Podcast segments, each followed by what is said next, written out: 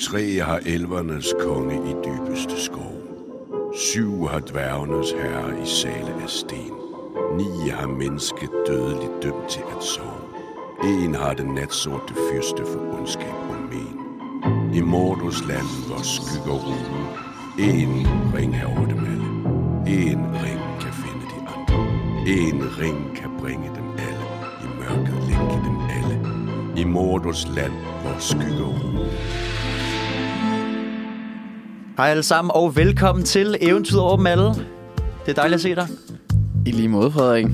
Jeg har sgu glædet mig. Det har jeg også, det har jeg også. Det er godt at være tilbage i studiet.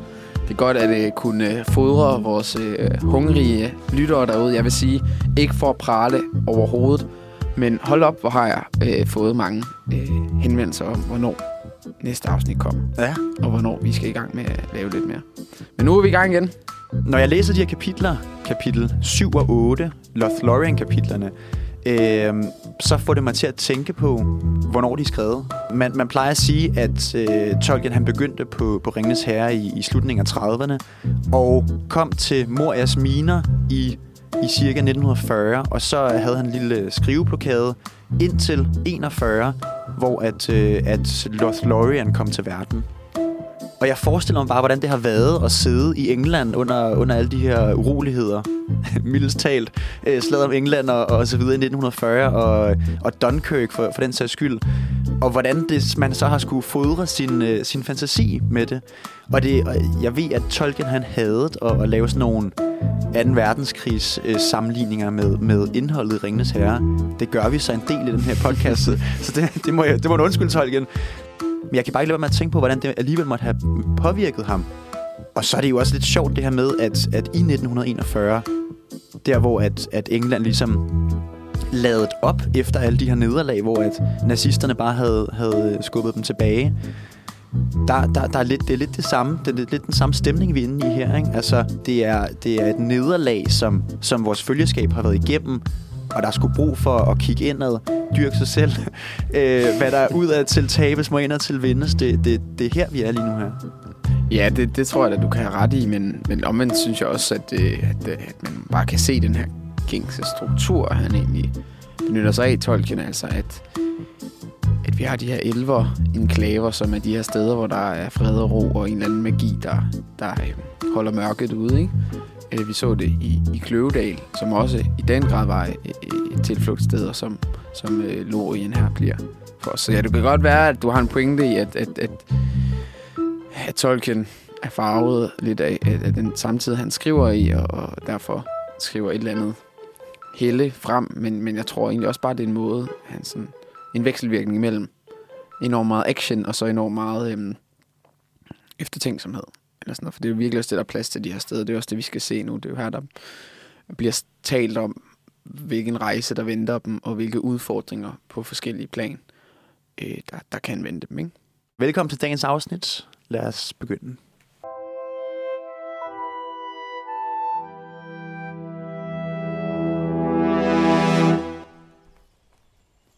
Deres vej gik nu gennem krat, hvor skumringen allerede var ved at blive tæt.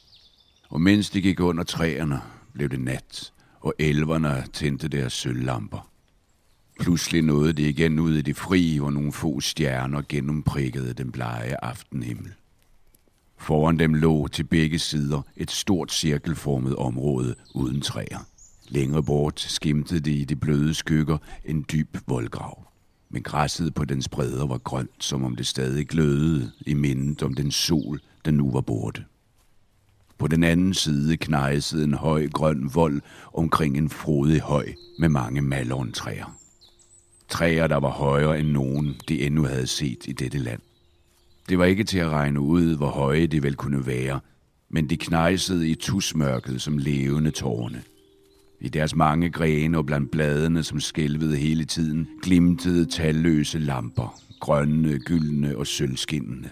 Haldir vendte sig imod følget. Velkommen til Karas Galadon, sagde han. Her er Galadrims by, hvor fyrst Kelleborn og fyrstinde Galadriel af Lorien bor. Men på dette sted kan vi ikke trænge ind, for der er ingen porte, der vender mod nord. Vi kommer til at drage om på sydsiden. Det er en lang vej, for byen er stor. Vores følgeskab kommer altså ind i den her savnomsbundne elverby, der ligger midt i, i den her dybe, dybe, frodige skov. Øh, de kommer til Karas Galadon. Øhm, midt i Karas Galadon, der står de største malontræer, de indtil videre har set. Og i de her trækroner der, der kan de se en masse lys. Øhm, altså sådan øh, lanterner og sådan noget, der er hængt op i de her. Og jeg kan forestille mig, da jeg læste det her, at øh, den gode... Hvad er det nu, han hedder? Avatar. ja, ham, der lavede Avatar. James Cameron. James Cameron, lige præcis. At han har læst det her, da han, da han udtænker hele det der øh, Navi øh, Nå ja. verden, ikke? Altså Ja, det der med at bo i træer træ, og ja. kæmpe træer, og de her gange mellem træerne og sådan noget. Øhm, ja. Og da de så kommer til det allerstørste træ af det her, der bliver de mødt af nogle elver, der overbringer dem den nyhed, at øh, fyrsten og fyrstinden, Keleborn eller Seleborn, alt det, hvad man kalder ham, og så Galadriel, de venter, afventer øh, Frodos komme. Og, og de får at vide at Frodo skal gå først op i det her træ. Dernæst Legolas, som, som den elver, den øh, slægtning, han jo egentlig er, øh, og så de andre derefter i en eller anden vilkårlig rækkefølge. Så der er klart en, en rangorden, ikke? Allerede her, at Frodo er den vigtigste, så kommer øh, ens øh, artsfælde, og så derefter. Ja, det er jo De altid andre, noget, at, at Gimli han ikke skal være sidste mand.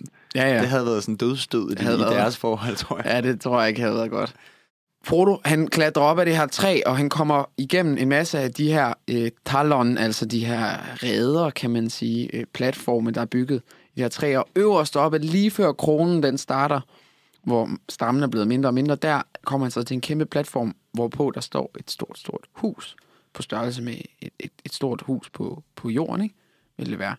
Øh, og inde i det hus bliver han ført ind, øh, og derinde der sidder så de to fyrster, øh, Kileborn og Galadriel. Når hele følgeskabet er, er kommet op, så, øh, så bliver der budt velkommen. Og, og de er, det er sådan meget, hvad siger man, formelt, synes jeg næsten. Altså det er Galadriel og Keleborn, de, de kigger på, på hver eneste person i det her følgeskab, og så hilser, og det, det lyder blandt andet, øh, velkommen Aragorn, søn af Arathorn. Der er gået 38 år i verden udenfor, siden du sidst var her i landet. Og disse år har taget hårdt på dig, men enden er nær. Hvad enten det nu bliver godt eller på ondt. Her skal du lægge dine byrder fra dig for en stund. Så det er jo, det, og det er jo meget personlige hilser, må man sige. Øh, Ja, og de får alle sammen sådan nogle personlige hilsener her på en eller anden måde, ikke? At, at de har et eller andet kendskab til dem, selvom de aldrig har mødt dem før. Men Argon har de jo så mødt før, kan vi høre. Han har været der før, for 38 år siden. ja. I, i, i, i, i, I de år, som der bliver talt udenfor, står der. Ja, og det er jo spændende, fordi det det er jo klart, sådan tror jeg i hvert fald også, jeg vil have det, hvis jeg levede, øh, det bliver meget hypotetisk det her. Øh, Lad os få den. hvis jeg levede Hvis du, uendeligt. hvis du var Argon, er det det, nej, du nej, nej, nej, nej, nej, nej. Jeg siger, hvis jeg, hvis jeg nu, ligesom elverne, levede uendeligt, ikke? I princippet.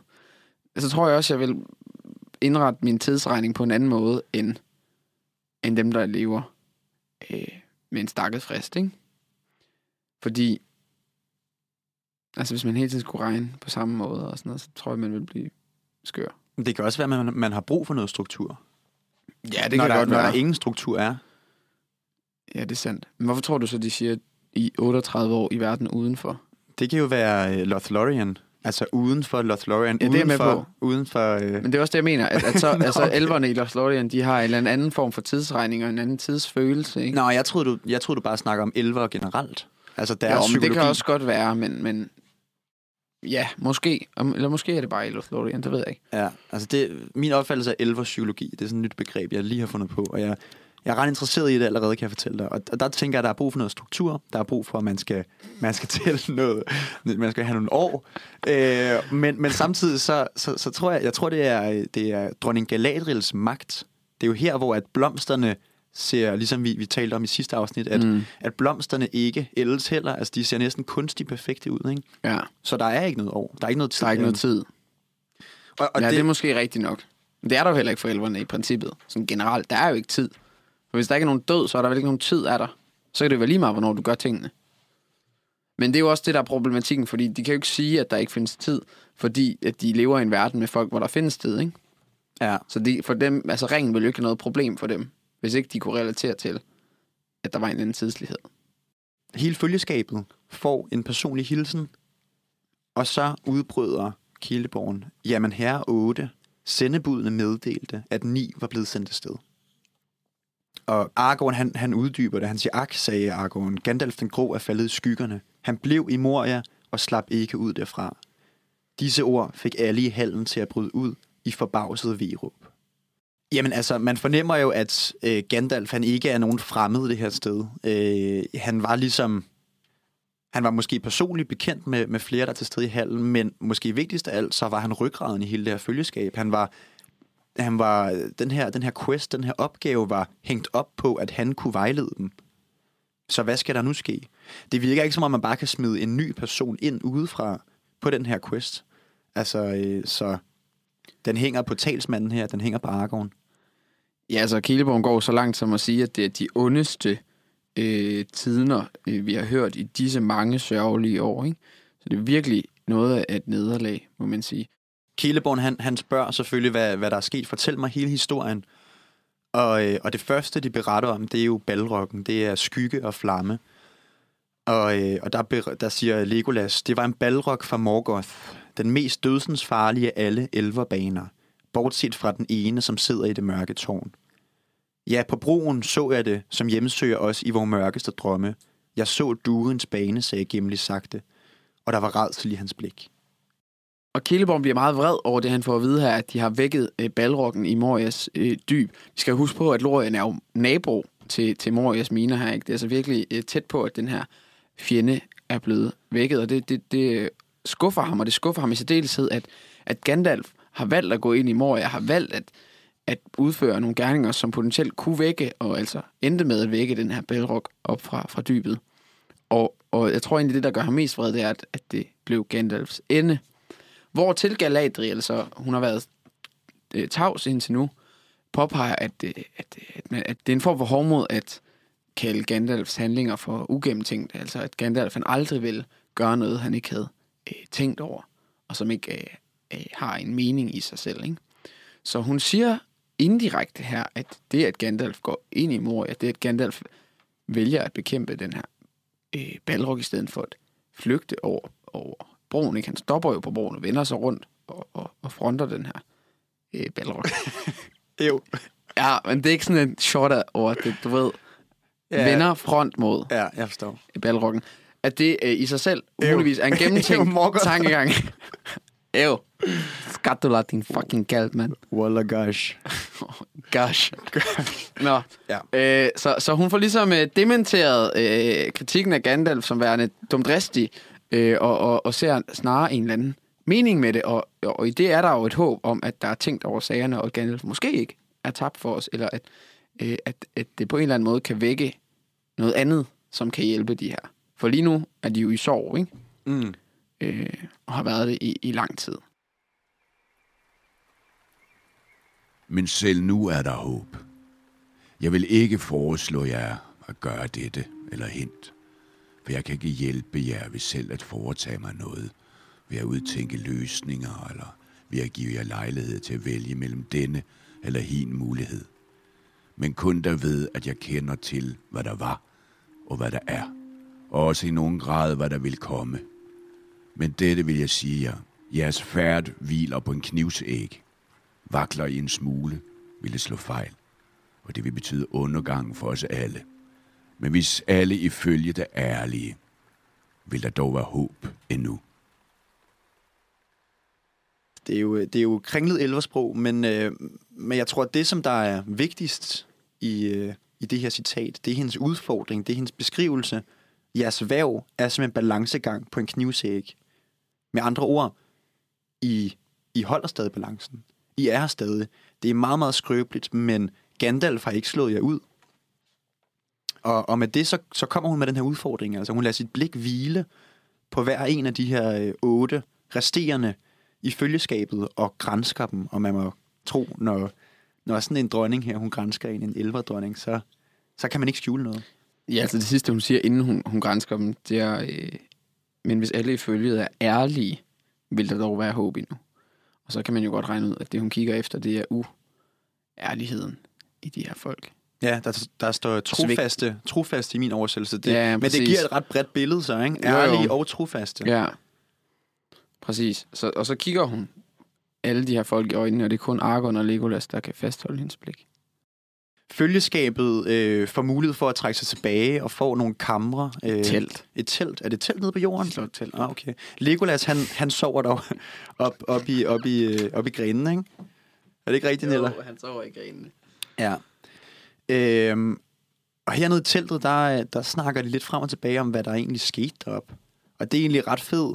Den er, den er ret skøn, den her, øh, den her dialog, synes jeg, fordi de sådan... Man, man, de reflekterer samlet over, over, hvad der lige er sket. Øh, over den her mærkelige oplevelse, som der jo egentlig var forholdsvis udramatisk, men som der måske har gjort ret stort indtryk på, på vores følgeskab. Øh, og, og øh, han spørger Sam, hvorfor rødmede du, da, da ligesom at, øh, at dronningen grænskede dig? Og til det, der svarer Sam, altså det var som om, hun, hun så ind i mig og spurgte, jeg, hvad jeg ville gøre, hvis hun gav mig mulighed for at flygte hjem til herret til et lille hyggeligt hul med min egen stump have.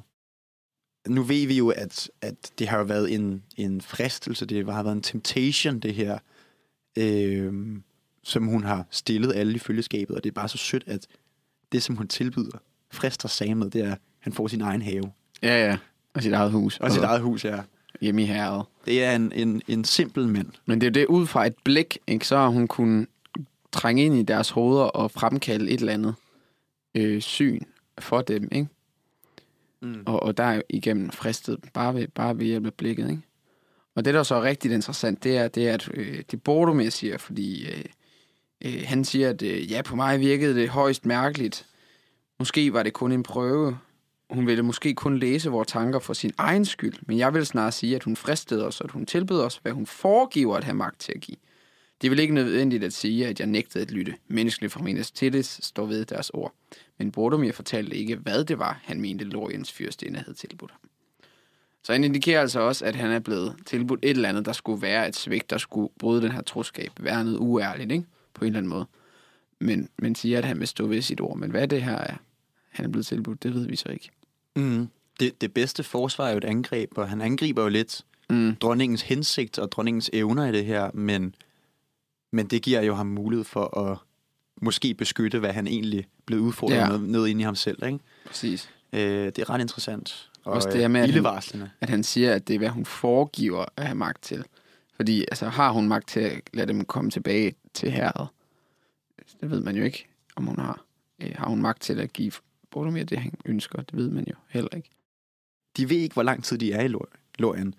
Men det som, det, som der i hvert fald sker, og det, som de kan, de kan huske fra deres oplevelser her, det er, at der bliver skrevet en sang. Og det er ikke hvilken som helst person, den omhandler, og det er heller ikke hvilken som helst, der har skrevet sangen, Fordi det er jo Frodo, der har forfattet en, øh, en hyldest til Gandalf, til hans minde. Og jeg, jeg synes, ligesom vi, vi så med Bilbos sang øh, øh Kløvedal, i Elrons Kløvedal, så de skulle meget smukke, dem her. Jeg kan virkelig godt lide dem. Øh, og derfor skal vi selvfølgelig også dvæle lidt ved dem. I herret, når nat faldt på, hans skridt på højen hørte man. For gry igen han måtte gå. Han rejste, intet sagde han. Et dødens svær, en lægehånd, en trofast ryg, der bøjede sig. En mægtig røst, en flammeånd, en mødig pilgrim på sin vej. På broen han alene stod, mod ild mod skygge slog han hårdt. Hans stav lå knækket for hans fod. I Khazad-dûm, hans sjæl gik bort. Nu valgte jeg bare tre øh, små vers ud af den her meget længere sang, men særligt den første, i herren, når nat faldt på, hans skridt på højen hørte man. Man kan forestille sig, hvordan han Frodo har siddet her i det her fjerne land i Lorien, og bare vækket minder fra hans tid i herret, hvor at Gandalf han bare kom og gik, og øh, man ikke vidste, hvornår han ville gå, og, og, og så videre. Og han var den her mystiske, men venlige person. Det må jo også virke enormt fjernt, når han sidder her. Gandalf er død. Han er på den anden side af bjergene, og langt, langt væk fra hans hjem. Efter at Frodo han har fremført øh, sin sang om Gandalf, og, og Frodo og Sam sammen har, har, har mindet øh, Gandalf, så går de rundt i, i, øh, i Lorien her. Øh, og Sam han fortæller, de drøfter lidt deres syn på elverne, og Frodo spørger, om Sam har fået et nyt syn på elverne. Øh, Og Sam han siger, at han, han har jo ikke set så meget elver magi. Han havde forestillet sig, at det ville være mere sådan trolddom og, og, og spektakulære øh, hændelser og sådan noget. Øhm, og sådan lidt som kaldet, kan man sige, ud af ingenting, kommer Galadriel så til de to hobitter her, og fører dem mod øh, Galadriels spejl. Altså det her, det er sådan et, øh, et vandfad, kan man sige. Øh, lidt hævet, så man skal stå på en skammel, hvis man er en hobbit, for at komme op til det her vandfad, som, som viser ting, giver en nogle syn. Øhm, Galadriel forklarer, at det kan vise, hvad der er sket, hvad der sker, og hvad der vil eller kan ske. Øhm, så det vil sige, at øh, man kan jo aldrig rigtig vide, om det viser sandheden, eller noget, der hypotetisk kan ske, hvis og så fremt, at man handler på den ene eller den anden øh, façon. Så det er jo også noget, der, der er ret, øh, ret farligt, der. Men de står ved det her spejl, og Galadriel, hun, øh, hun spørger om Sam, han har lyst til at se noget. En form for elvermagi. Ja, det tænkte jeg nok. Der er ikke andet end stjerner, sagde han. Så gispede han sagt, for stjernerne slukkedes. Som om et mørkt slør var blevet trukket til side, blev spejlet gråt. Og så blev det klart igen.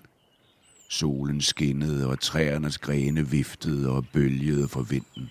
Men før Sam blev helt klar over, hvad det var, han så, svandt lyset. Og nu forekom det ham, at han så Frodo ligge i en dyb søvn med blegt ansigt under en stor mørk klippe. Og så syntes han, han så sig selv gå gennem en mørk gang og klatre op ad en endeløs, snoet trappe. Det forekom ham pludselig, at han søgte anspændt efter et eller andet, men han vidste ikke, hvad det var. Billedet skiftede som i en drøm, og han så igen træerne. Men denne gang stod det ikke så tæt, og han kunne ikke se, hvad der foregik. De viftede ikke i vinden, de faldt ned til jorden med et brag. Hov, sagde Sam ophidset. Ham Torben Rødtop går og fælder nogle træer, han ikke har lov til at fælde. De skulle slet ikke fælles. Det er alene bag møllen. Den skygger over vejen til siden nu. Gid jeg kunne få fat i Torben, så skulle jeg fælde ham. Men så lagde Sam mærke til, at den gamle mølle var borte, og at der var rejst en stor rødstensbygning der, hvor den havde ligget. En hel masse folk havde travlt med deres arbejde. Lige i nærheden stod en høj rød skorsten, hvor den sorte røg lagde sig som en sky over spejlets overflade. Der er noget djævelskab på spil i herredet, sagde han. Elrond vidste nok, hvad han talte om, da han ville sende herr Mary hjem. Så udstødte Sam pludselig et skrig og løb bort. Jeg kan ikke blive her. Jeg må hjem, sagde han vildt. De har gravet sækhulstræde op, og der går min stakkels gamle far ned ad højen med sin egen dele på en trillebør. Jeg, jeg må hjem. Ja, det er jo et, et forfærdeligt syn. Det kan man godt sætte sig ind i, hvis man, hvis man havde sådan en, en drøm omkring ens forældre, der har måttet gå for hus og hjem, og øh, hele, øh, ja, måtte tage deres egen del op i, hvad, hvad de nu kunne bage, og så øh, gå hjemmefra. Ikke? Det, øh, det er ikke rart, og han, han går jo også i panik, og, øh, og skal til at tage benene på nakken hjemad. Ja, men der er, altså, der er også det der med, at øh, når man sådan generelt oplever, hvordan ens forældre eller det samfund, man kommer fra, ved at sælge ud af det, man er vokset op i, ikke? Altså har man altid en eller anden trang til at, at, at stoppe det, eller sådan noget, ikke? Det tror jeg, også spiller ind her, øh, på en eller anden måde. Ja, det er virkelig industrialiseringen, der kommer til, til Ja. herredet, altså med sådan en stor, rød, høj skovsten, der bare spytter sort røg ud, ikke? Præcis. Men vigtigt her er det jo, og det siger Galadriel så også til ham, for Sam er jo virkelig ude af den, ikke? Vi må forstå, at det er jo den mest trofaste af folket i følgeskabet her, der, der på meget kort tid udtaler, at han må hjem, ikke? Og løber sådan lidt forvirret rundt. Det der er med det spejl det er jo, at det ikke nødvendigvis viser, hvad der vil ske, men egentlig, hvad der kan ske. Og det er jo tricky. Prøv at overveje det, Frederik, hvis, hvis du havde et eller andet spejl, og du kunne kigge i, og så kunne du se, hvad kan muligvis ske. Men du ved ikke, hvad du kan gøre for, at det sker, eller rettere sagt i samme tilfælde, for at det ikke sker. Er det fandme et dilemma? Kan man så overhovedet bruge det til noget? Men det er jo spørgsmålet. Er det ikke bare sådan en masse random pejlemærker, man så kan gå efter, men man aldrig kan vide, om man er sikker? Jo, det vil jeg også sige. Det er jo bare en forvirring. I langt højere grad end noget andet. Altså det her, det virker allerede ret øh, sådan, øh, psykologisk tungt i mit hoved at tænke på, og jeg kan slet ikke forestille mig, hvordan det må have været i uh, lille, lille Sams hoved. Men, men han lille tager, Gardner Sams Ja, hoved. lille, lille Gardner Sam, men han tager jo et valg. Altså, han, han får den her hobbit-styrke øh, op i sig, som, som mm. de har, og, og vi har tidligere talt om, omkring, om det, var, om det var deres forhold til naturen, at de får sådan en groundness, eller hvad det nu kan være. Det tror jeg personligt, at, at, øh, at det kan være, men øh, det må man selv, selv læse til. Øh, han tager et valg, og han udtaler, øh, jeg vil drage hjem af den lange vej sammen med herr Frodo, eller også vil jeg slet ikke hjem. Ja, det siger han efter, hun har sagt det her til ham, ikke? Præcis. Altså, Ja. så, så der, går, der går nogle tanker igennem hans hoved, øh, og, og dilemmaet ligger og vibrerer, og så tager han valget. Og han siger, altså, det er døden, øh, eller, eller Frodo, eller hvad man siger, ikke? Øh, at, at det, er det, det er det store valg, han tager nu her. Men der er også sådan et, altså jeg tænker, når du, når du ser noget i sådan et spejl her, der er sådan et kirkegårdsgård, ikke? Altså du kan, du kan gifte dig, du kan fortryde det, du kan oh, lade ja. være med at gifte dig, du også vil fortryde det, ikke? Du kan hænge dig, du kan fortryde det, du kan undgå at hænge dig, og det vil du også fortryde. Ikke? Så du ser det her, det er skæbnen, der ligger foran dig, men kun måske, og det kommer an på dine handlinger. Muligvis, hvis du drager mod Moria, undskyld mod Mordor, øh, for at destruere ringen, så kan det være, at det er det rigtige, du gør. Det kan også være, at du fortryder. Så det, det er måske lidt en, lidt en vag kirkegård aftampning, men jeg synes, der, Det der, synes jeg der, der, jeg synes, der ligger et eller andet et, et uløseligt dilemma i at vide, at det her, det er muligt, det sker. Mm. Men det er også muligt, det ikke sker. Efter Sams store beslutning, så er det Frodos tur. Og, øh, og Frodo, han stiller, øh, starter ud med at at spørge Galadriel, om hun synes, han skal tage et kig. Og det er jo noget, der nogle gange kan være sådan lidt vagt, når man spørger en elver om Ja. et råd, ikke? Det er rigtigt. Hvad skal jeg gøre? Kan du hjælpe mig? Og så får man altid sådan et tvetydigt svar, som ikke rigtigt er et svar. Fordi Galadriel svarer, at hun kan ikke rådgive ham, eller hun kan ikke anbefale ham at kigge, men hun kan heller ikke fraråde ham at gøre det, ikke? Så Frodo han stiller sig op på skamlen og kigger ned i spejlet. Først ser han jo blot disse elverstjerner over Lorien-skoven, men kort efter ændrer billedet sig.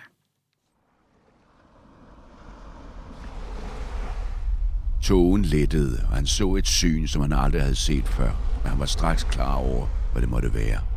Havet. Havet steg og rasede i et hæftigt uvær. Nu så han mod solen, der sank blodrød ned mellem de forrevne skyer. Det sorte omrids af et stort skib med sønderflængende sejl, der kom ridende på bølgerne i vest. Han skimtede en bred flod, der løb igennem en folkerig by. Derefter en hvid fæstning med syv tårne, og derefter igen et skib med sorte sejl. Men nu var det morgen igen, og vandet glitrede i solskinnet. Og et banner, hvorpå der var et hvidt træ, blafrede i solen. En røg, som var ild og kamp, steg til værs, og igen gik solen ned i et rødt bål, der blegnede og blev til en grå tåge. Og i den grå tåge sejlede et lille skib afsted med blinkende lanterner. Det forsvandt, og Frodo sukkede og ville til at gå ned. Men pludselig blev spejlet helt mørkt, som om et hul havde åbnet sig i synets verden, og Frodo så ind i tomheden. I den mørke afgrund viste der sig et enkelt øje, der langsomt voksede, indtil det fyldte næsten hele spejlet. Så redselsfuldt var det, at Frodo stod som lamslået, uden at kunne skrige eller se bort. Øjet var omgivet af ild, men selv var det blankt, gult som en kats, vagtsom og indtrængende, og pupillens sorte revne åbnede sig for en afgrund, et vindue ind til intet. Så begyndte øjet at flakke. De så i den ene retning og så i den anden. Og Frodo følte med vidshed og redsel, at blandt de mange ting, det søgte, var han selv. Men han vidste også, at de ikke kunne se ham. Ikke nu, medmindre han selv ville det. Ringen, der hang i sin kæde, blev tung nu. Tungere end en sten, og hans hoved blev trukket nedad. Det var som om spejlet blev varmt, og dampen virvlede op fra vandet. Han var ved at glide ned mod det. Rør ikke vandet, sagde fyrstinde Galadriel. Billedet falmede, og det gik op på Frodo, at han stod og så på de kolde stjerner, der blinkede i sølvskålen. Rysten over hele kroppen trådte han baglæns og så på stedets fyrstinde. hvilken beskrivelse af øjet. Altså, jeg synes virkelig, at, øh, at det her maleriske, som, som der er fanget i Peter Jacksons film, det, altså, de har nærlæst bogen, er, det er imponerende. Altså, måden de, de får lavet det her øje på, er virkelig tæt op af den her beskrivelse, Ja. synes jeg. Det er også en klar beskrivelse, altså på få ord, så bliver det, så bliver det meget, meget antydet. Og jeg ved ikke, om det er, fordi jeg har kværnet filmen øh, plus 10 gange, eller, eller hvad det er, men, men altså, det her... Det her Plus 10, plus 50, tror ja, du ikke? Jo, det er nok rigtigt. Øh, det her, det her, den her kattepupil, ikke? Som der, Ja, ja, og, og så præcis. flammerne, der så går ud fra det, ikke? det er fandme ja. smukt, altså. Det må man sige.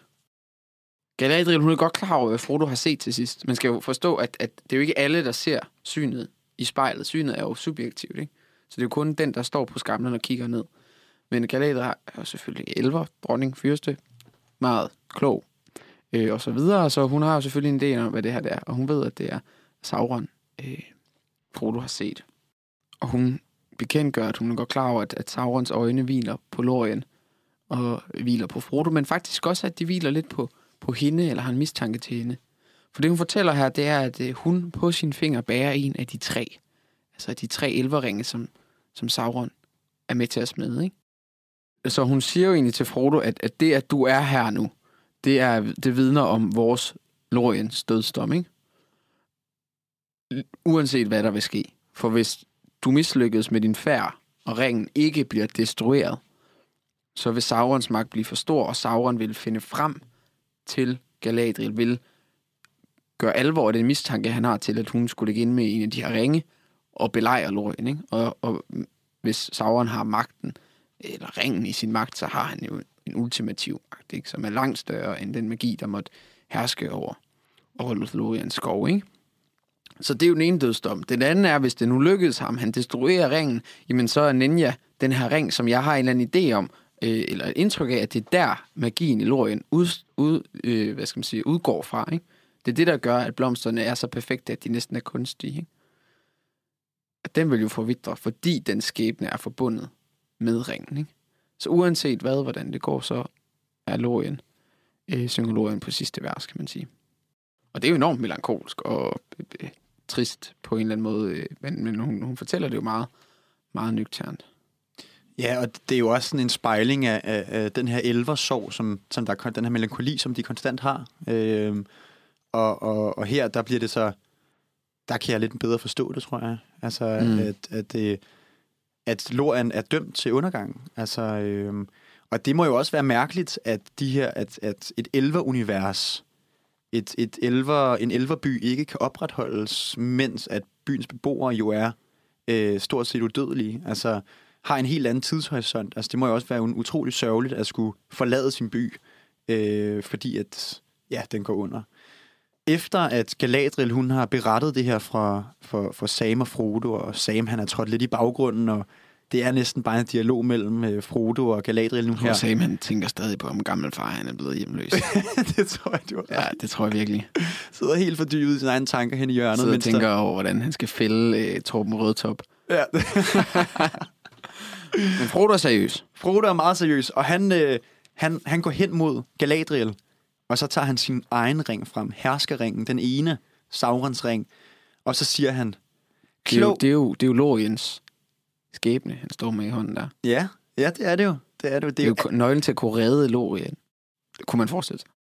Ja, og dog logikken bag den her ringkundskab, altså at, at Sauron hjalp med at smide de tre, og efterfølgende øh, for sig selv i øh, Mount Doom smide den ene for at, for at kunne herske over de andre, øh, den siger jo, at, at, at de, de er dømt til undergang, lige meget hvad der sker, som du, som du også lige sagde før. Så, så man kan sige, det er, det er Loriens bane, som Frodo han holder i hånden her. Men det er jo en uundgåelig bane, altså det er en uundgåelig dødsdom. Men det, er jo, Lorien- men det er jo det, han tænker. Altså, nu bliver jeg lidt... Nu Ja, bliver jeg lidt ja, ja. For han tror jo, at hvis hun nu bare får ringen, så bliver den ikke destrueret, som er den ene vej til Loriens dødsdom, og den falder heller ikke i Saurons hænder, som er den anden vej. Så vil hun jo kunne have den, ikke? Det er igen Frodo, der ikke, undskyld, øh, der ikke har forstået, at ringen ikke kan benyttes af nogen, ikke? Ja, okay. Den havde jeg, jeg havde Fordi heller det er ikke jo forstået, derfor, jeg var forstår det, som om, at, at, at så, så får du den o- magtfulde og, og smukke og skønne øh, elverdronning, ikke? Ja, så han ser det måske som en mulighed for at redde det her sted. Ja, ja, altså han, han forstår jo, jeg tror ikke Frodo han på det tidspunkt forstår det her med, at, at det er uundgåeligt. Han kan godt se, at hvis han drager afsted, så er det uundgåeligt. Mm. Men hvis hun nu får den, så drager han ikke afsted, og Sauron han kan ikke få den, og den bliver ikke destrueret. Ja, det er sådan lidt hack. Ja, Det er meget smart. Han, han, øh, han siger, I er vis og frygtløs og smuk, dronning Galadriel, sagde Frodo. Hvis I bad mig om det, vil jeg give jer den ene ring. Den er mig for stor. Galadriel lå pludselig sin klare latter. Klog er dronning Galadriel måske, sagde hun. Og dog, dog har hun her mødt sin lige i høviskhed. Hvor nydeligt hævner du dig ikke på mig, for den prøve, jeg satte dit hjerte på ved vores første møde. Du begynder at se skarpt. Jeg, jeg synes, altså, hun, hun taler jo selvfølgelig om det møde, hvor at Galadriel granskede øh, følgeskabet hver ene, hvor at hun granskede ind i Boromir, Sam begyndte at rødme og så videre. Der har hun grænsket ind i Frodo. Som jeg læser det, så tror jeg, at hun har udfordret Frodo på, om han vil give ringen fra sig. Det taler jo ind til, at når han så tilbyder ringen til Galadriel, så er det så er det, det, det, det, det er ligesom det, som han øh, penduler tilbage med, kan man sige. Øh, og det er måske også det, der er, den første, der er den største fare for Frodo, det er, at han skulle give den væk. Altså, at han, at han føler, at han er for lille, at han ikke føler, at, hans, at han, er, han er stor nok til at bære den her ring. Det siger han jo også selv. Den er mig for stor. Så hvis nu, at jeg giver den til en, der er mere magtfuld, lad os sige en menneskekonge, for eksempel, kunne være Aragorn, det kunne være Boromir og så videre, så, så, vil, så vil den her knivsæg, balancegang på knivsægen, vil måske falde sammen den her fristelse øh, gør, at Galadriel på en eller anden måde ændrer væsen. Kort, hun vokser så stor og magtfuld og taler om, hvad hun ville kunne bruge denne ring til, men understreger, at hun vil blive en mørkets fyrst inde i stedet for en mørkets fyrste. Hun vil blive smuk, men forfærdelig. Så hun er udmærket godt klar over, hvad der vil ske.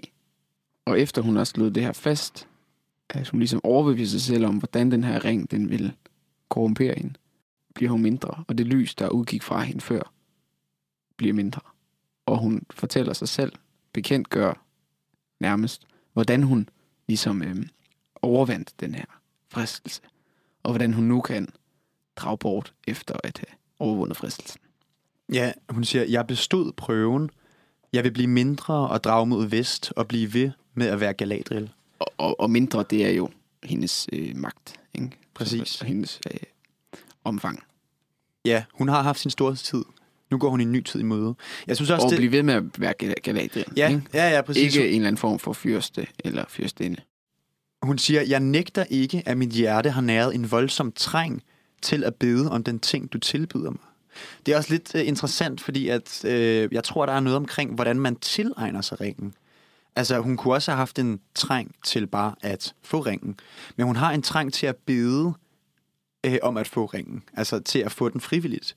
Og det er jo, det er jo her, at, at, at, at den ligger, at de fleste har stjålet ringen. Det er en ring, man, man ligesom tager, man hugger en finger af, man, øh, man stjæler den, øh, man, man dræber sin bedste ven, og tager ringen fra ham, og, og, eller man finder den i mørket og snyder, snyder en anden person med nogle gåder og så videre.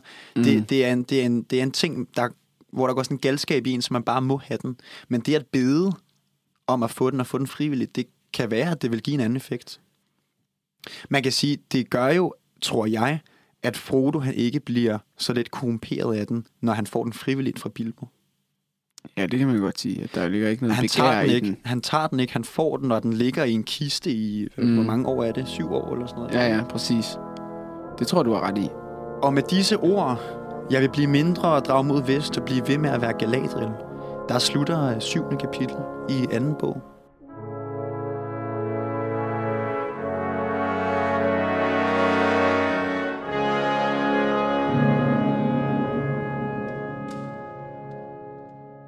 Følget er blevet kaldt sammen her i Kalas Galadon, og fyrsten og fyrstinden taler til dem.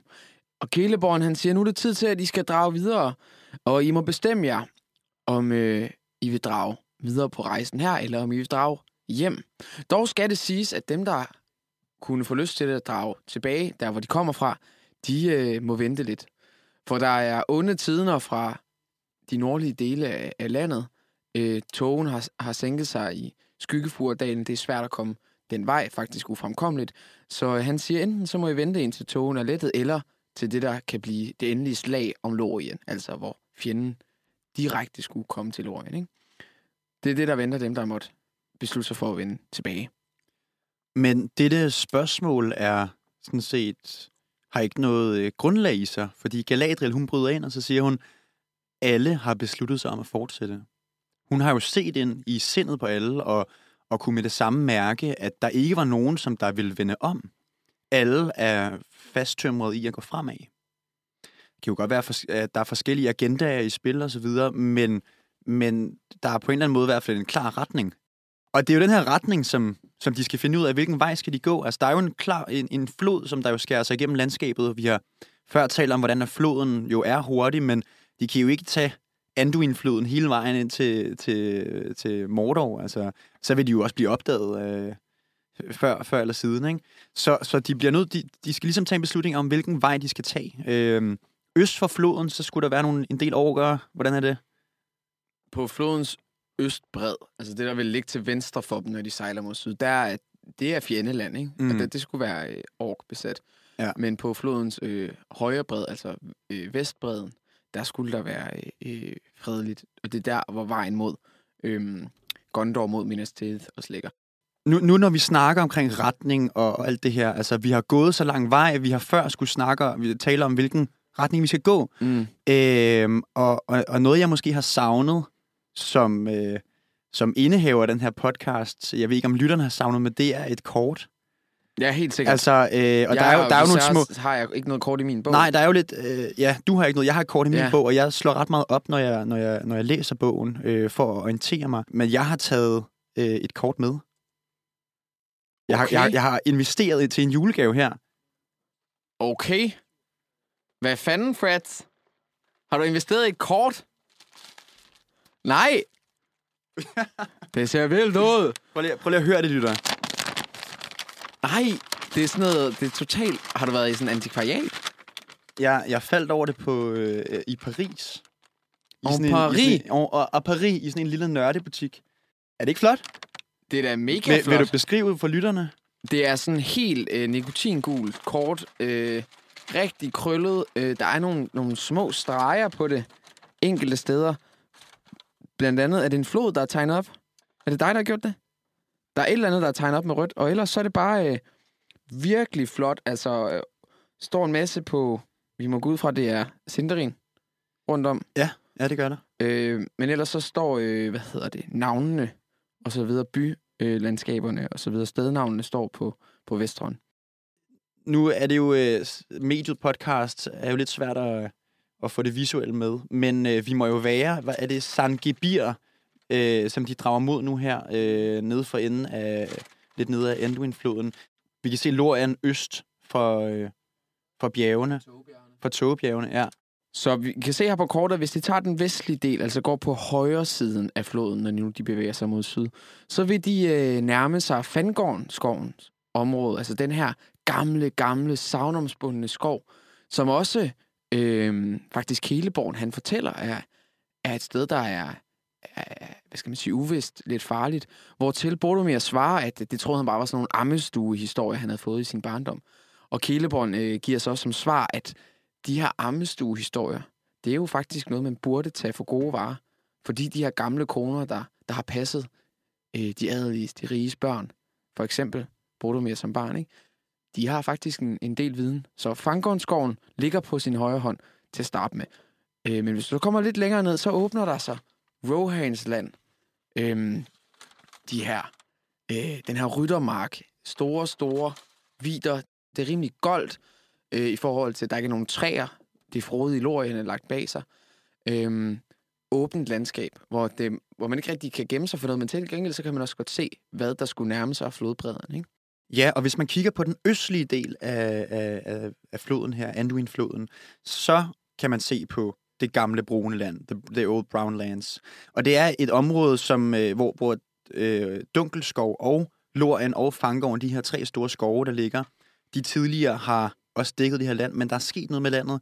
Det er simpelthen blevet goldt og øde. Øh, det kan man drage igennem øh, og ned til et bakket landskab, der hedder Emin Muil. Så vil man komme nordfra ind i Mordor. Det der er, når man begynder at bevæge sig mod øst længere, end de er nu her, så ved man ikke rigtig, hvad der gemmer sig derude. Altså, det er lidt unmapped territory. Øh, på det her kort, så er der også bare en bar plet. Så de vil, de vil skulle bevæge sig ud i noget, noget land, de simpelthen ikke kendte. Så, så det er jo også en... en øh, skal, de, skal de tage den helt ukendte vej, eller skal de tage en igennem fjendeland, men som der dog er betrådt af Aragorn før, for eksempel? Jamen, den, altså, nu siger du den helt ukendte vej. Men det spørgsmål er jo ikke, om de altså, det er jo, om de skal til højre eller venstre, ikke? Fordi hvis de går mod højre og ind, øh, altså mod vest, ikke? så vil de gå mod Minas Tirith. Og hvis de går mod venstre mod øst, så vil de gå mod Mordor. Det er vel de to spørgsmål, der er på spil, ikke? Som jeg forstår det. Man kan jo altid lave mellemløsninger. Altså, Mm. øh, det, det er jo også, man skal tænke om indgangsvinklen ind i Mordor. De skal jo simpelthen passere en kæmpe bjergkæde ind i det her land, øh, som der har giftige dampe og er svært ubehageligt at, at bevæge sig rundt i. Øh, så det, det kan jo betale sig at tænke det igennem det her. Altså, jeg tror ikke, det er så let bare at sige, øh, den vestlige bred, så er det øh, Gondor og Minas Tirith, og den østlige, så er det Mordor. Altså, fordi øh, det handler omkring, om de skal tage den, den vestlige indgang i Mordor, eller den, øst, den, den nord, nordlige Fordi indgang. den, den vestlige indgang i Mordor, det vil jo så være, hvis de tog til Minas Tirith og den vej over. Øh, men, men hvis de tager til Minas Tirith, så bliver det også et helt andet broderskab, følgeskab. Så tilslutter de sig jo en, en hær i Gondor, ikke? Der, der, er i, der er i en stående krig, hvor måde, de kan køre sådan lidt mere stealth mode øh, ved at tage den anden vej. Ikke? Men som jo, du så også siger, det er de ubekendte, det er det, det land, som man ikke øh, kender. Ikke? Mm. Øh, I forhold til det, du sagde før med, at øh, Galadriel har set, at de alle sammen gerne vil fortsætte, øh, så sagde du også det med, at det, det kan der jo være forskellige agendaer i, og Boromir, han, han giver måske lidt, øh, han løfter måske lidt sløret for, at, at hans agenda er egentlig bare at komme hjem. For han siger, jamen altså, ja, jeg vil ikke drage, jeg vil ikke drage væk fra følgeskabet. Vejen følger, fører jo alligevel til Mordor, nej, undskyld, til, til Gondor, ikke, og til Minas Tirith. Så han har helt klart som erklæret mål at tage øh, den øh, vej, altså den, den vestlige del af floden. De er lidt i, i syv sind, de her, øh, de her folk, det her broderskab, og de spørger så Keleborn den vise, der skulle jo være den allerviseste af alle elverfyrsterne. Så de spørger ham, hvad skal de gøre? Og igen, du ved, elverne giver sådan nogle lidt vage råd. Så han kan ikke rigtig sige, om de skal gå til venstre eller højre, men han siger, jeg vil gerne give jer nogle både. Og så kan I sejle ned ad floden på grænsen mellem det, det, det venlige vest og det, og det fjendtlige øst. Øh, og så ligesom tage beslutningen senere hen. Det vælger de at tage imod, og særligt Argon er enormt lettet over, at han ikke, øh, at han ikke skal tage den her beslutning for, for broderskabet. Argon er jo blevet den nye leder, øh, kan man sige. Så, øh, så det, der bliver besluttet, det er, I får nogle både, så kan I sejle ned ad Anduin-floden, øh, og når I så når for eksempel til Raudersfaldene, hvor det bliver meget svært for jer at komme igennem med jeres både, så må I vælge en side øh, derfra. Ikke? Så beslutningen bliver ligesom udskudt, om de skal gå til venstre eller til højre. Men selvom han er kommet med det her råd, Kileborn, så øh, diskuterer de stadigvæk, hvad de så skal gøre, når de når til Raurosfaldet. Er det højre, eller er det venstre? Er det direkte mod Mordors nord øh, indgang, eller er det mod Gondor Minas Tirith først? Og Boromir, han siger, at det ville da være dårskab ikke at have en hær med sig imod fjenden. Det ville da være dårskab bare at smide ringen væk. Smide den væk, ikke ringen. Han siger den. Hvor efter han retter sig og siger, jamen nej, jeg mener faktisk uh, smide liv væk. Det vil være totalt spild af liv bare at gå direkte mod fjenden den her vej. Vi bør gå mod øh, Minas Tirith. Så hermed siger han jo også lidt, at hans ønske er, at ringen skal bringes til øh, den her, han har stående i Gondor. Øh, at det er det, der er hans agenda på en eller anden måde. Og så Frodo, han fornemmer ligesom, der er noget over Boromir her, at han, at han ligesom mente noget andet. At det ikke var liv, han ville smide væk, men at det var et spild af, af ringen, ikke? Som redskab. Som redskab, lige præcis. Næste morgen, der øh, begynder bruderskabet at, at pakke deres ting sammen og lave et mindset, der, der siger, de skal tage afsted. De får serveret nogle, nogle små kager, og, øh, og Gimli, han, øh, han tager en af de der kager op og, og, og nipper til kanten af den, og, og mumler øh, kram, kram, mens han gumler på den der kage. Og, øh, og, og, og han, øh, Spiser et helt brød, ikke? han spiser det helt brød, ja. Han tager den hele munden, kram. mens der er en elver, der løber hen mod ham og siger, pas på, pas på, pas på. Du skal, du skal kun have en bid af det her. Altså, det, det er åbenbart et eller andet magisk, og det er ikke det her kram, om man bare i ordet, altså, jeg synes, det, det lyder som sådan en, sådan en dvævebeskøjter kram. man kan næsten forestille sig, hvordan at de, det er sådan en rationeringsmad under, under jorden eller sådan noget der, ikke? Ja, han siger, det er noget, han kender fra, fra Dal, altså byen, der ligger ved siden af det ensomme bjerg, ikke? At, at menneskene i Dal, de bager den her form for kiks klam. Og det er så det, han tror, han har fået stukket i hånden. Men nej, nej, det er limbasbrød. Limbas. Limbas. Og det er simpelthen øh, en, en eller anden form for elverkage. Det, det smager lidt sødt, sødere end beonernes honningkager, bliver det sagt. Jeg forestiller mig sådan et, øh, sådan et pokenbrød. Siger det der noget? Porgan lemban. Entlæggeren, ikke lemban. Nå, okay, okay. Det der, det der, det der øh, kvadratiske sandwichbrød, der kan brækkes i stænger, ikke? Åh, oh, ja, ja. Er sådan helt sødt brød. Ja, det Ja. smager ret godt. Men det er ikke, fordi Ja. der er så meget energi i. Nej, det er der ikke. Altså, det, det er jo bare sukker. Ja. Sukker og hvide, ikke? Mm.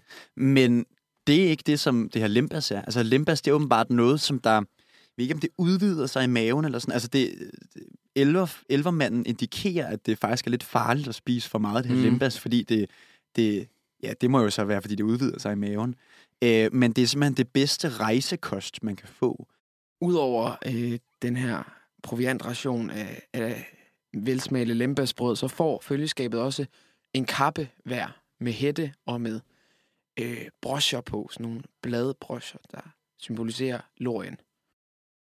Det var ikke til at sige, hvad farve de havde. Grå med en tone, som tusmørkede blandt træerne. Men hvis man bevægede stoffet, eller så det i en anden belysning, var det grønt, som løvet i skyggen, rødbrun som modne marker om natten, eller dunkelt sølvskinnende, som vandet i stjernernes skær. Alle kapper var fastgjort om halsen med et spænde, der var formet som et grønt blad med sølvåre. Ud fra din beskrivelse her, så kunne man jo godt tænke, det må være en magisk kappe, en trolddomskappe. Det er jo også det, som den gode Peregrin Toger øh, spørger som det første. Er dette en trolddomskappe? Hvortil øh, den elver, der har overragt dem, øh, de her kapper, siger, Jeg ved ikke, hvad I mener med det. Ja, jeg ved ikke, hvad I mener med trolddom. Og det synes jeg er interessant, fordi alle de her hobitter har haft en eller anden idé om, at trolddom, det er det unaturlige. Det er det, som man står og klør sig i hovedet over, når man står i sækkedyb. Øh, eller ved brændevindsloden, og ikke forstår, hvad der sker omkring en. Noget unaturligt, ikke? Hvorimod de her elver, de, de her trolddomsord, enten så kender de det ikke, eller så er det noget helt andet. Jeg husker Galadriel i, i sidste kapitel, øh, siger det her trolddom, det er jo det, som vi bruger for den onde magt. Ikke? At de bruger det samme ord for os, det kan de slet ikke forstå. Så der er sådan en semantisk øh, problemstilling der, hvor det samme ord betyder noget vidt forskelligt for to personer. Så, så umiddelbart vil elveren her jo sige, men altså trolddom, det kan jeg slet ikke forstå, at du, du kan forbinde med, med den her kappe. Ja, nu siger du, at det betyder noget forskelligt, men, men det virker jo på den her elver som om, at, at det slet ikke har nogen betydning Ja, det kan man for, også godt sige, for, ja. for, for ham. Altså, han ikke forstår ordet. Han, for, han kan ikke lave en oversættelse øh, mm. til hans sinderin. Og, og det tænker jeg, det, det siger jo også noget omkring, at, at det som... Altså, altså at trolddom, det er en, det er en udefra beskrivelse af, af, af et fænomen, ikke? Ja, det- ja, det kan man godt sige. Eller du kommer et sted, hvor der ikke er tyngdekraft, og så lige pludselig er du et sted, hvor der er det. Ja. Og så beder du folk om, at, så spørger du dem, Er det, er det noget tyngde? tyngdekraft. Ja, præcis. Altså, jeg, jeg kan huske, vi snakkede om også, at det svarer også lidt til, at du, at du kommer fra nogle bestemte fattige kår, og så oplever du en luksus. Og så dem, der har luksusen, de kan ikke rigtig forstå, at du forbinder det med nogen form for luksus, fordi det bare er det, der altid er, ikke? Altså, det er jo, for ham er det jo bare en kappe. Man kan også sige, at, at mange af de her øh, elver, er jo, som bor i Lorien, er jo sådan monokulturelt funderet, ikke? Altså, de kender ikke til, til, til, så meget til verden omkring dem, de kender ikke til, til sproget. Øh, hvorfor det heller ikke kan undre, at de ikke rigtig kan se en, en anderledes verden, end den de selv er i. Så for dem er det jo ikke trolddom, det er jo bare hverdag, ikke? Broderskabet, de øh, hopper ned i bådene. Alt er pakket og klart, og de drager afsted. Bliver taget af strømmen ned af Anduin-floden ned sydpå. Det er det, det er det eneste valg, de har kunne tage nu her. De har ikke kunne beslutte sig, om det skulle være øst eller vest. Men inden de er kommet særlig langt, så møder de faktisk noget på den her flod. De møder en stor svane, der kommer sejlende imod dem, men det er ikke en normal svane. Det viser sig faktisk at være et skib med øh, fyrsten og fyrstinden ombord. Øh, vi troede lige, at vi havde sagt farvel til dem tidligere, men, men øh, ak nej, de er tilbage, og de, de tænker nu, eller de, de ytrer her, at, at de jo ikke har spist sammen. I al den tid, de har været i Lorien, har de faktisk ikke haft noget sådan en banket eller sådan et festmåltid øh, følget skabet og, og, og herrene over Lorien. Øhm, så de bliver inviteret til afskedsfest på, på bredden af, af Anduin-floden. Sølverbæk, ikke Anduin. Afskedsfesten, den begynder, og der går ikke lang tid, før der kommer gaver på bordet. Det kan vi godt lide. Det kan vi godt lide, fordi gaverne kommer betyder altid noget i øjeblikket, og, og vigtigst af alt, så tror jeg også tit, de kommer til at betyde noget øh, hen ad vejen, ikke? Her er Kelleborns og Galadriels gave til Hjert Følges anfører, sagde hun til Aragorn og gav ham en skede, der var smedet, så det passede til hans svær. Den var belagt med fletværk af blomster og blade smedet af sølv og guld.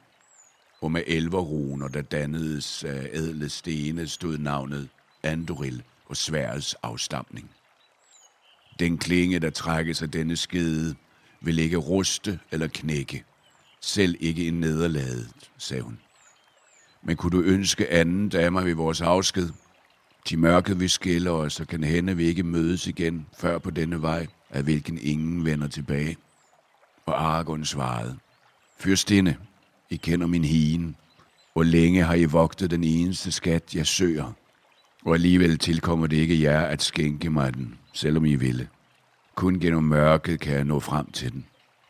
Men dette vil måske gøre dig lettere om hjertet, sagde Galadriel. Det er blevet overladt i min varetægt, for jeg skulle give det til dig, hvis du skulle komme igennem dette land. Så tog hun fra sit skød en stor, helt grøn adelsten, sat i en sølvbrosje, der var smedet i form som en ørn med udbredte vinger. Og da hun holdt den i vejret, skinnede stenen, som solen skinner gennem forårets nyudsprungne blade. Denne sten har jeg selv skænket min datter Celebrian, og hun har igen skænket den til sin datter. Nu får du den som pant på håbet. I denne time skal du antage det navn, som det blev spået dig, at du skulle bære. Elisar, elverstenen af huset Elandil. I denne time skal du antage det navn, som det blev spået dig. Elisar.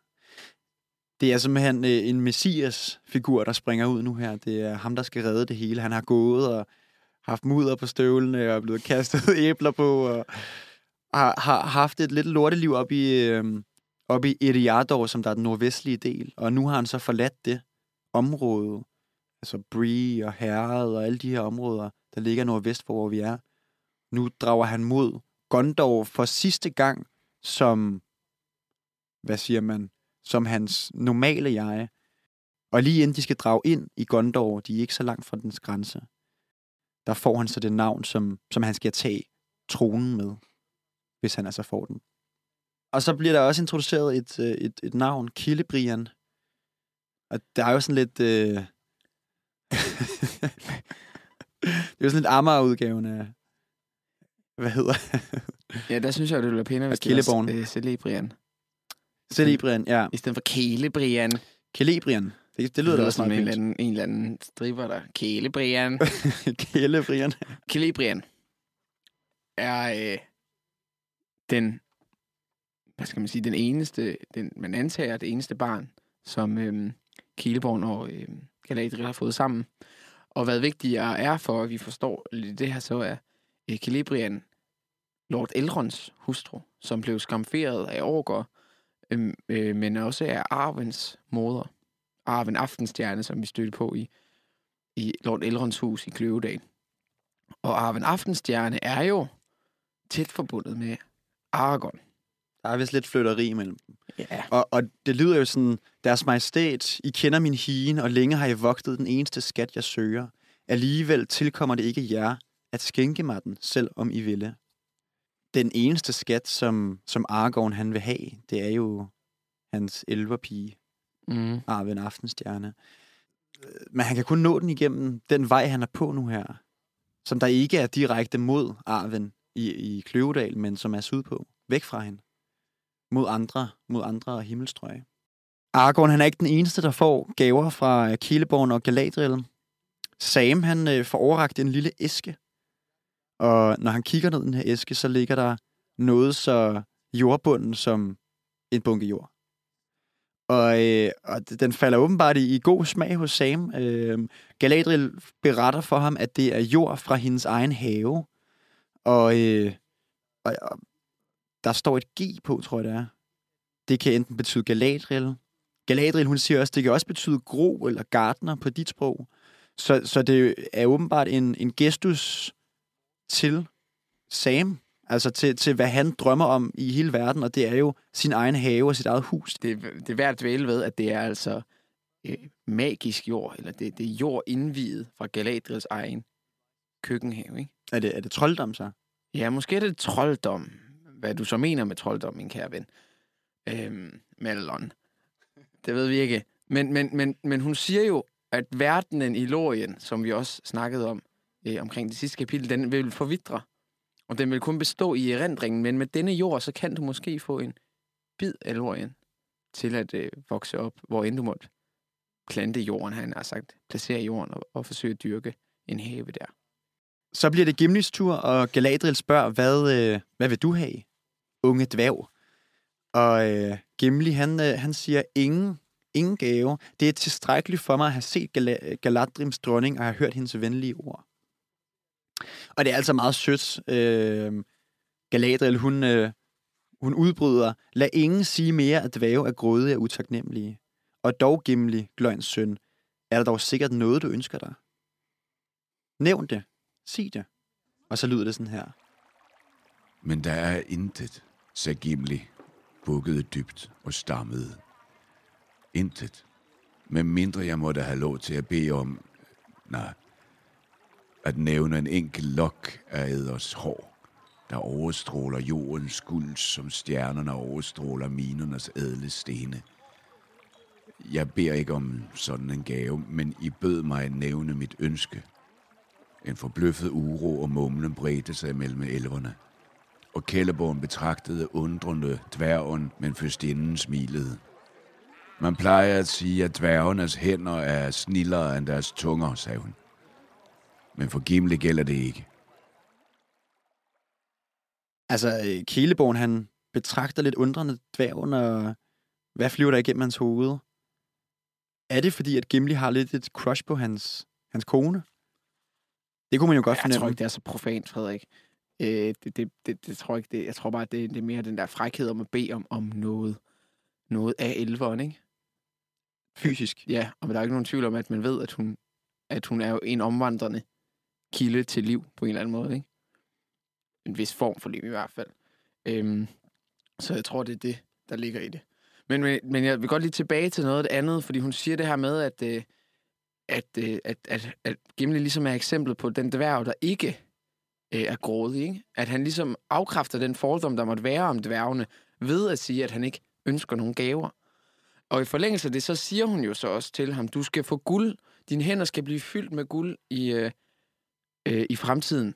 Og så kommer det vigtigste, men den skal aldrig få magten over dig. Hun renser ligesom dværgen, for det, der er, er, er dværgens arvesøn. At dværgen vil altid grave efter mere guld, ligegyldigt hvor meget guld dværgen har i sine hænder i forvejen. Men lige med Gimli, der vil det her mønster blive brudt. Han vil få guld, men han vil ikke blive korrumperet af guld.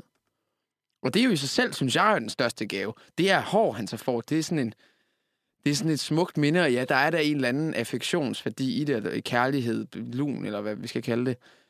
Klart, det ser vi også, men jeg synes, det er det andet, der, der, der er vigtigere, at vi ligesom ser en eller anden elver fyrste, der renser en dværg øh, for, for den arvesøn, der er skyld i, at vi nu har en balrog under Morias øh, miner, Mm. eller under Morias bjerge. Helt sikkert. Og, og så kan man sige, så, så Galadriel som, som kvinde spiller jo også en stor rolle i, i, i det her univers. Altså, Der er ikke så mange kvinder, jo. Der er fandme ikke så mange kvinder i, i, i Tolkiens univers, og for mig så symboliserer de lidt øh, nogle af de her klassiske dyder. Altså, de sy- symboliserer fred. De symboliserer civilisationens højsæde, kan man sige. Altså, de symboliserer ikke krigen, det er, det er sgu mændene. Så i den, her, øh, i den her tid, så kan man så diskutere, hvor, hvor fedt det er, at der ikke er flere kvinder repræsenteret. Der er nogle stærke kvinde, kvinde øh, hvad hedder det, karakterer, og der kommer flere, øh, må vi ej forglemme. Men, men Galadriel er jo også en, selvom hun er, hun er passiv og, og ikke i bund og grund gør så meget i den her i det her eventyr, så, så er hun jo enormt stærk. Og, øh, og, og det tror jeg også, den her gave symboliserer. Altså det er simpelthen et, et symbol på, at, at, at Gimli han får lov til at bevare noget af, noget af, hvad siger man, af kærligheden i, i den her gave. Altså han har et minde med, som der så i mørket stund kan, kan få det til at lyse ham lyse op, at der findes faktisk noget, og der er værd at kæmpe for. Mm. Som der er Mm. de her øh, dyder, som, som kvinderne så får lov til at repræsentere i, i det her univers, som der er Det øh, fred, fred, fredstid. Ikke? Ja. Og, det, og det er måske det, som der lidt går igen igennem gaverne, tænker jeg. Altså, de kommer ned i et landskab nu her, hvor der er helt bart. Ingen træer, ingen bevoksning, Mordor også. Ondskaben betyder, øh, altså, at, at træerne forvidrer. Og det er jo det, som, som øh, Sam han tager med sig i sin indelom. Han tager jord, der simpelthen har energi nok til at få en skov til at blomstre. Frodo, han får også en gave. Han får en lille, hvad siger man, en lille flaske. Øh, og når han, så vil, når han så tænker på Erendil, som der er lysmesteren, kan man sige, i, i eventyrene, i, i elvernes eventyr, der vil den så lyse op og give ham lys i mørket. Så det er jo, det er jo, det er jo nogle gaver, de tager med. Erendil er vel den, den skarpeste stjerne, øh, nordstjernen, som det vil være for os, ikke? Også Øh, det, og ja. det er der, lyset er taget Præcis. fra og koncentreret. En aftapning ned i den her flaske. Ja, det må jo være svært at gøre. Alt er muligt for Galadriel. Næsten alt. Legolas, han får en, en bue, og det virker åbenbart som en fuldstændig fantastisk elverbue. Han er meget beæret over den, og et pilekokker og pile. Festen her slutter altså med de her forskellige meget betydningsfulde og værdiladede afskedsgaver. Og dagen efter, der bevæger følget sig så afsted i tre både. Forrest sidder Argon sammen med ringbæreren Frodo Sækker og dennes højre hånd, kan man sige, gardneren Sam, der nu har fået jord med fra Loriens muld. Bag ved dem sidder Boromir fra Gondor med de to unge hobitter, Meriadoc Brandebuk og Peregrin Toker. Og bag os har vi de to nye venner. Det skal også siges, de er blevet relativt gode venner her i tiden i Lorien. Legolas fra Skovriget, fra Dunkelskov. Øh, og Gimli, søn af Gløjen, fra Dværgenes Rige. Følgeskabet drager nu væk, videre på deres færd, og de sidder og mindes det sted, hvor Gimli han siger, at han er i sorg. Han troede, at kamp og menneskeligt tab ville være det, der ville give ham den største sorg. Men, øh, men det, der har givet ham den største sorg, siger han, det er afskeden. Afskeden med det smukke, og mødet med det smukke, ikke mindst. Øh, hvortil øh, Legolas siger til ham, de sidder i båden her og chatter lidt, øh, at du vil jo altid have mindet om det her sted. Du har fået de her tre hår, gyldne hår fra Galadriels manke. Øh, fra Galadriels hårpragt. Hvortil Gimli siger, at mindet vil altid kun være et spejl. Det taler ikke hvad hjertet begær. Det kan aldrig give en det, som man vil have. Og det ligger måske lidt i korten, at, at det her minde, det, det er fattigt i sig selv. At de ikke vil vende tilbage til Lorien. At det for sidste gang er Lorien, de skal se. Med disse ord, så siger vi tak for i dag.